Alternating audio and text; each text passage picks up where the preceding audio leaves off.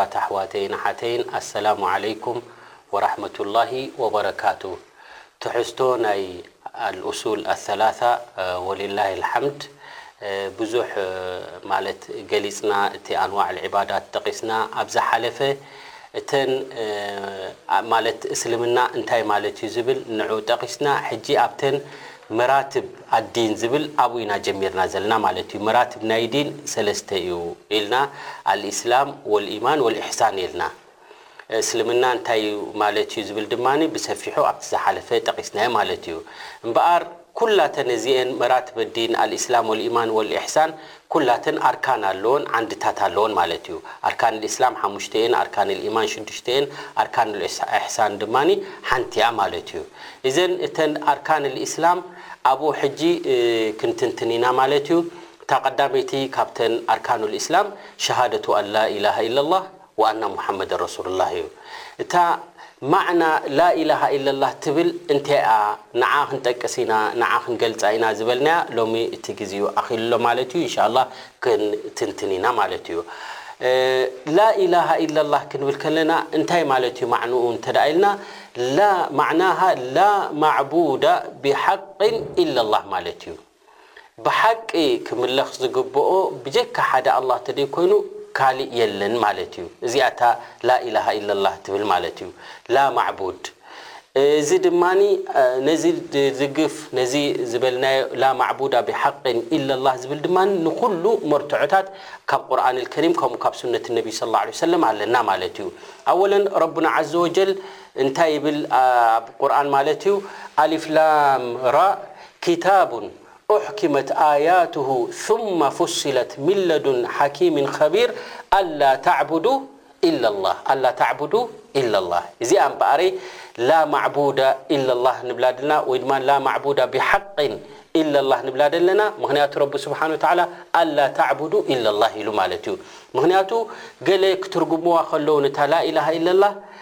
ላ ኻልቅ ኢለ ላህ ኢሎም ይትርጉሙዋ እዚኣ ማዕና የብላን ማለት እዩ ምኽንያቱ እቲ ኻልቅ ረቢ ስብሓን ወተዓላ ምዃኑ ንዕኡ ድነፅግ የለን ማለት እዩ እቲ ፀገም ደሎ ኣብ መንጎ ማለት እቶም ልኡኻት ተላኢኾም ምስቶም ህዝቢ ዝነበረ ሽግር እንታይ እዩ እንተ ኢልካ ነዛ ዒባዳ ንረቢ ስብሓን ወተዓላ ንብሕቱ ግበሩዋ ዝብል ኣብኡ እዩ ነይሩ እቲ ማለት ኺላፍ ዝነበረ ኣብ መንጎ ነብያትን ደቂ ሰባትን ማለት እዩ ወሊዛሊክ لا معبود بحق إلا الله ن ن ك سورة هو مجمر ي مرتع لل عبد إلا الله ربن عز وجل كم سورة المؤمنون ربنا عز وجل بع سيدنا نوح ل ولقد أرسلنا نوحا إلى قومه فقال يا قومي اعبد الله ማ ለኩም ሚን ኢላሂን ገይሩ ማ ለኩም ሚን ኢላሂን ገይሩ እዕቡዱላህ ንረብኹም ኣምልኹ ንሓደ ኣላህ ተገዝኡ ኢኹም ብጀክኡ ካሊእ ፈጣሪ ካሊእ ብሓቂ ክምለኽ ዝግብኦ የለን ኢሉ ዝገለፀሎም እዚ እውን ማለት እታ ላ ማዕቡዳ ቢሓቂን ኢለላህ ትብል መርትዖ ሓደ እዩ ማለት እዩ ከምኡ እውን ላ ማዕቡዳ ቢሓቂን ክንብል ከለና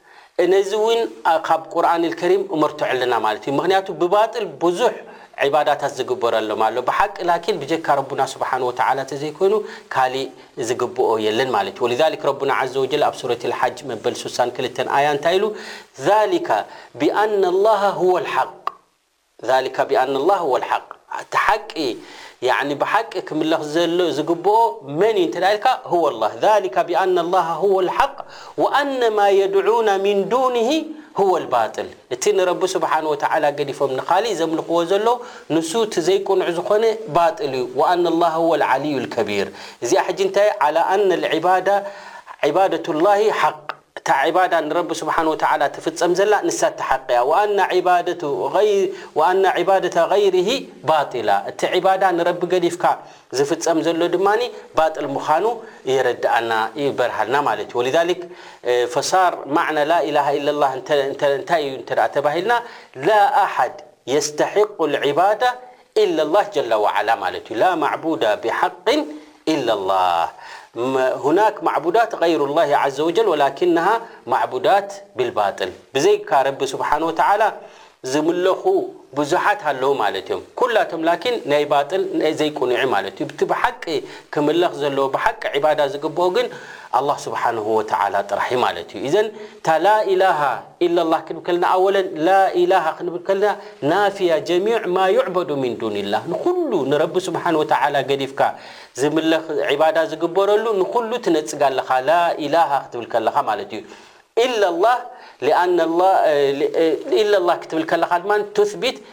ሊላሂ ሱብሓነሁ ወተዓላ ኣልዒባዳ ኢዘን ነፊ ወልኢስባት ኣለዋ ማለት እዩ። ምንጻግ ኣለዋ ምርግጋጽ ድማ ኣለዋ ማለት እዩ። ነየናይ ትነጽግ?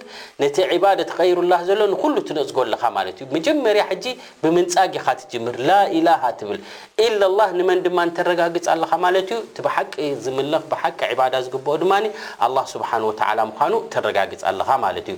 ወሊዛሊክ ሳሒብ ተስኒፍ ኣልኡሱለ ሰላሳ እንታይ ኢሉ?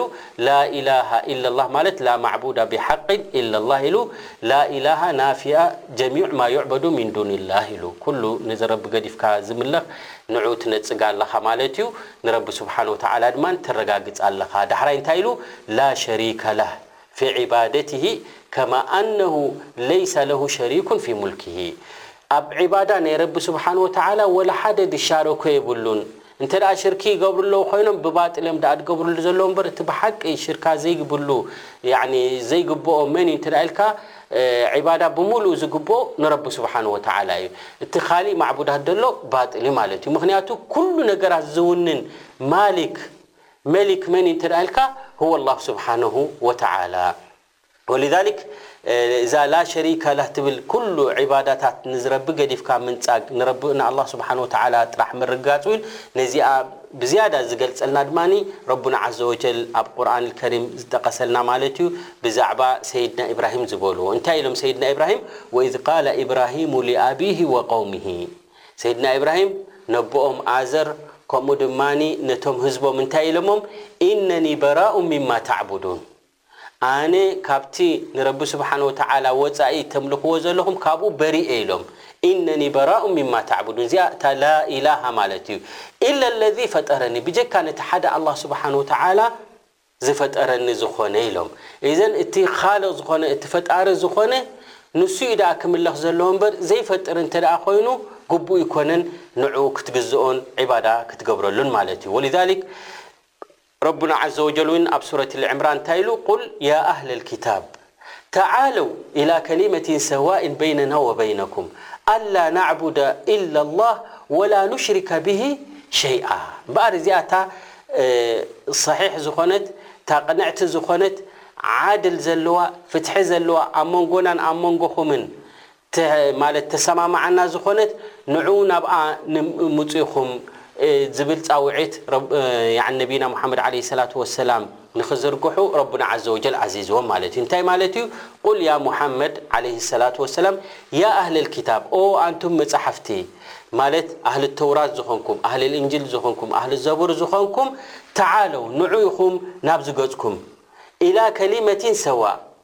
ከሊመት ወሰጥ ዝኾነት፣ ፍትሐኛ ዝኾነት፣ ማእከለይቲ ዝኾነት፣ ዓድል በይነና ወበይነኩም፣ ንዓናን ንዓኻትኩምን ስኒ ብሓንቲ ብማዕረ ትብጸሓና ዝኾነት ንዕመይ ናብኣ፣ ናዕለም ኣነሁ ቀድ ጃኣ ቢሃ ረሱለኩም፣ ከምኡውን ነብያታት ናታትኩም እቶም ዝተላእኹውን ነዚኣ እዮም ሒዞም መጺኦም፣ ወቀድ ጃኣ ቢሃ ሙሓመድ ሰለላሁ ዓለይሂ ወሰለም፣ ነብይና ሙሓመድ ሰለላሁ ዓለይሂ ወሰለም ኣነ ሒዘየ ድመጻኹ ድማ እዚኣ እያ እሞኒ ንዕመይ ናብዛ ፍትሐኛ ዝኾነት በሎም ኢኻ ማ ሀዚህ ልከሊማ እንታይ እያ እዚኣ ንዕመይ ዝበሃልዋ ዘለው እንተ ኢልካ ኣላ ናዕቡደ ኢለላህ ወላ ኑሽሪከ ብሂ ሸይኣ ብጀካ ንኣላህ ሱብሓነሁ ወተዓላ ተዘይኮይኑ ንኻሊእ ከይነምልኽ እትብል እዚኣ እታ ትኽክል ዝኾነት ናብኣ ንዑ ኢልካ ዓድም ተባሂሎም ማለት እዮም ኢዘን ወጅሁ ልእስትድላል ካብዚኣ እንታይ ፋኢዳ ንረክብ ወይ ድማ እንታይ እቲ ደሊል እንተ ኢልና ኣላ ናዕቡደ ኢለላህ ወላ ኑሽሪከ ብሂ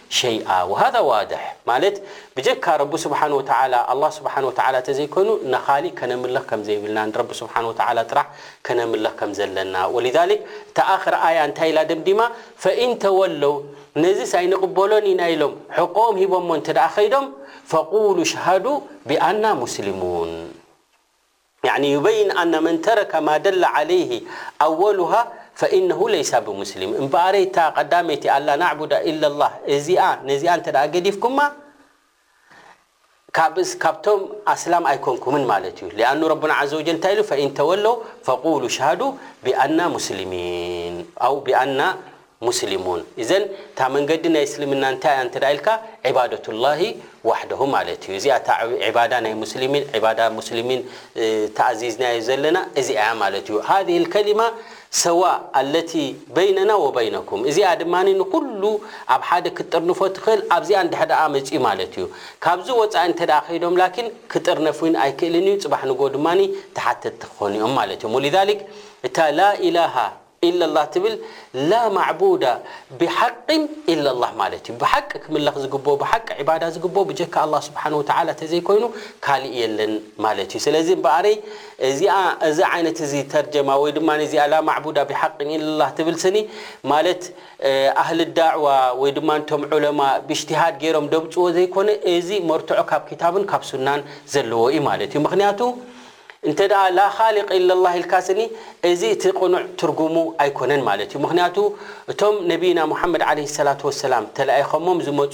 ህዝብታት ንሳቶም እውን እንታይ እዮም ዝብሉ ነይሮም እንተ ኢልካ ረቢ ሱብሓነሁ ወተዓላ ኻሊቅ ምዃኑ ዝጠፍኦም ኣይኮኑን ነይሮም። እቲ ፀገም ኣብ ሞንጎ ነቢይና ሙሓመድ ሰለላሁ ዓለይሂ ወሰለምን ኣብ ሞንጎ እቶም ህዝብታትን ዝነበረ እንታይ እዩ እንተ ኢልካ ኣብ ዒባዳ እዩ ነይሩ ማለት እዩ። ንዘይ ረቢ ዒባዳ ስለ ዝገብሩ ዝነበሩ እዚ ዒባደት ገይሩላህ ገዲፍኩም ናብ ረቢ ስብሓነሁ ወተዓላ ጥራሕ ንዑ ዝብል ንዑ እዩ ነይሩ እቲ ፃውዒት ማለት እዩ። በል ናይ ጀሚዕ ኣልኣንብያ ናይ ኩላቶም ዳዕዋ ኣብ ምንታይ እያ ነይራ እንተድኣ ኢልካ ኣብዛ ዒባዳ እያ ነይራ ማለት እዩ። እምበሪ ረቢ ስብሓነሁ ወተዓላ ኻሊቀ ሰማዋቲ ወልኣርዲ ምዃኑ፣ ረቢ ስብሓነሁ ወተዓላ ዝፈጠሮም ምዃኑ፣ ረቢ ስብሓነሁ ወተዓላ ኻልቅ ምዃኑ ነዚ ድነፅግ የለን ማለት እዩ።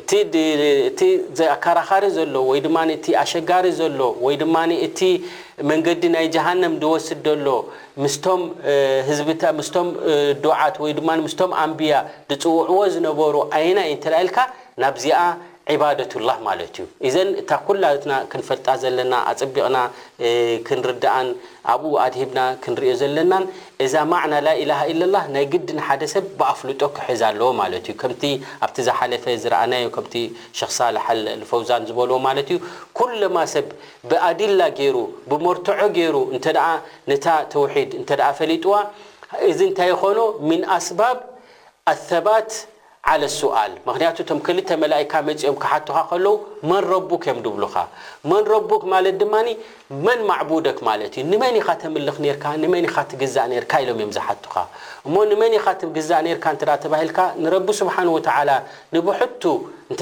ትግዛእ እንተ ኔርካ ኮይንካ ክትምልስ ትኸእል ኢኻ ብቕኑዕ ማለት እዩ። እንተድኣ ግን ካብቲ ማለት ኣብ ሽርኪ ዝወደቐ ወይ ድማ ነዛ ላኢላሃ ኢለላህ ብግቡእ ማዕንኣ ዘይፈልጣ ወይ ድማ ከምቲ ካልኦ ገለ ሰባት ዝተርጎምዋ ላኢላሃ ኢለላህ ማለት ስኒ ላኻሊቕ ኢለላህ ማለት እዩ ኢሎም። እዚ እቲ ቅኑዕ ኣይኮነን ማለት እዩ።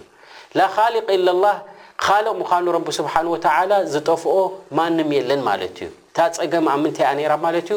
ኣብ ዒባደት ገይሩላህ ማለት እዩ። ንምንታይ ኢኹም ነዚኣቶም ተምልኽዎም ዘለኹም ምስ ተባሃሉ፣ ኻሊቒን ስለ ዝኾኑ ኣይበሉን። እንታይ ኢሎም? ማ ናዕቡድሁም ኢላ ሊዩቀርቡና ኢለላሂ ዙልፋ፣ ንሕና ነዚኦም ነምልኾም ንግዝኦም ዘለና ስኒ ናብ ረቢ ንኸቃራርቡና ኢልና ኢና ንግዝኦም ዘለና ይብሉ ነይሮም ማለት እዮም። እዚኣቶም ፈጠርትና ስለ ዝኾኑ ኣይበሉዎምን።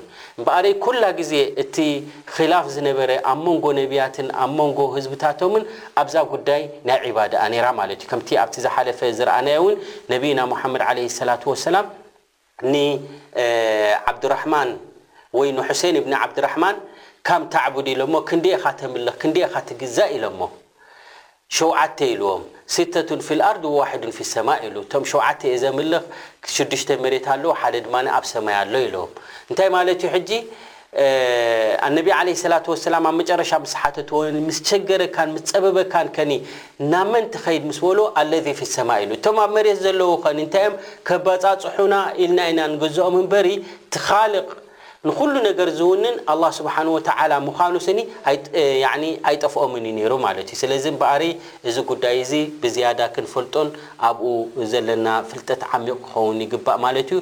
እታ ላኢላሃ ኢለላህ ትብል ላ ማዕቡዳ ቢሓቒን ኢለላህ ማለት እዩ። እዚ ኣበሃህላ ድማ ማለት ዑለማእ ዝበልዎ ወይ ድማ ሓድሽ ጅሁድ ዘይኮነ ካብ ቁርኣን ዝተደገፈ ማዕና ድማ ክንርኢ ፀኒሕና ማለት እዩ። እንሻኣላህ ኣብቲ ድመፅእ ትሕዝቶ ከምኡ እታ ሙሓመድ ረሱሉላህ ትብል ድማ ናታ መፃምድታ ምስታ ላኢላሃ ኢለላህ ትኸይድ ስለዝኾነት ክልቲኤን ሩክን ዋሒድ እየን ላኢላሃ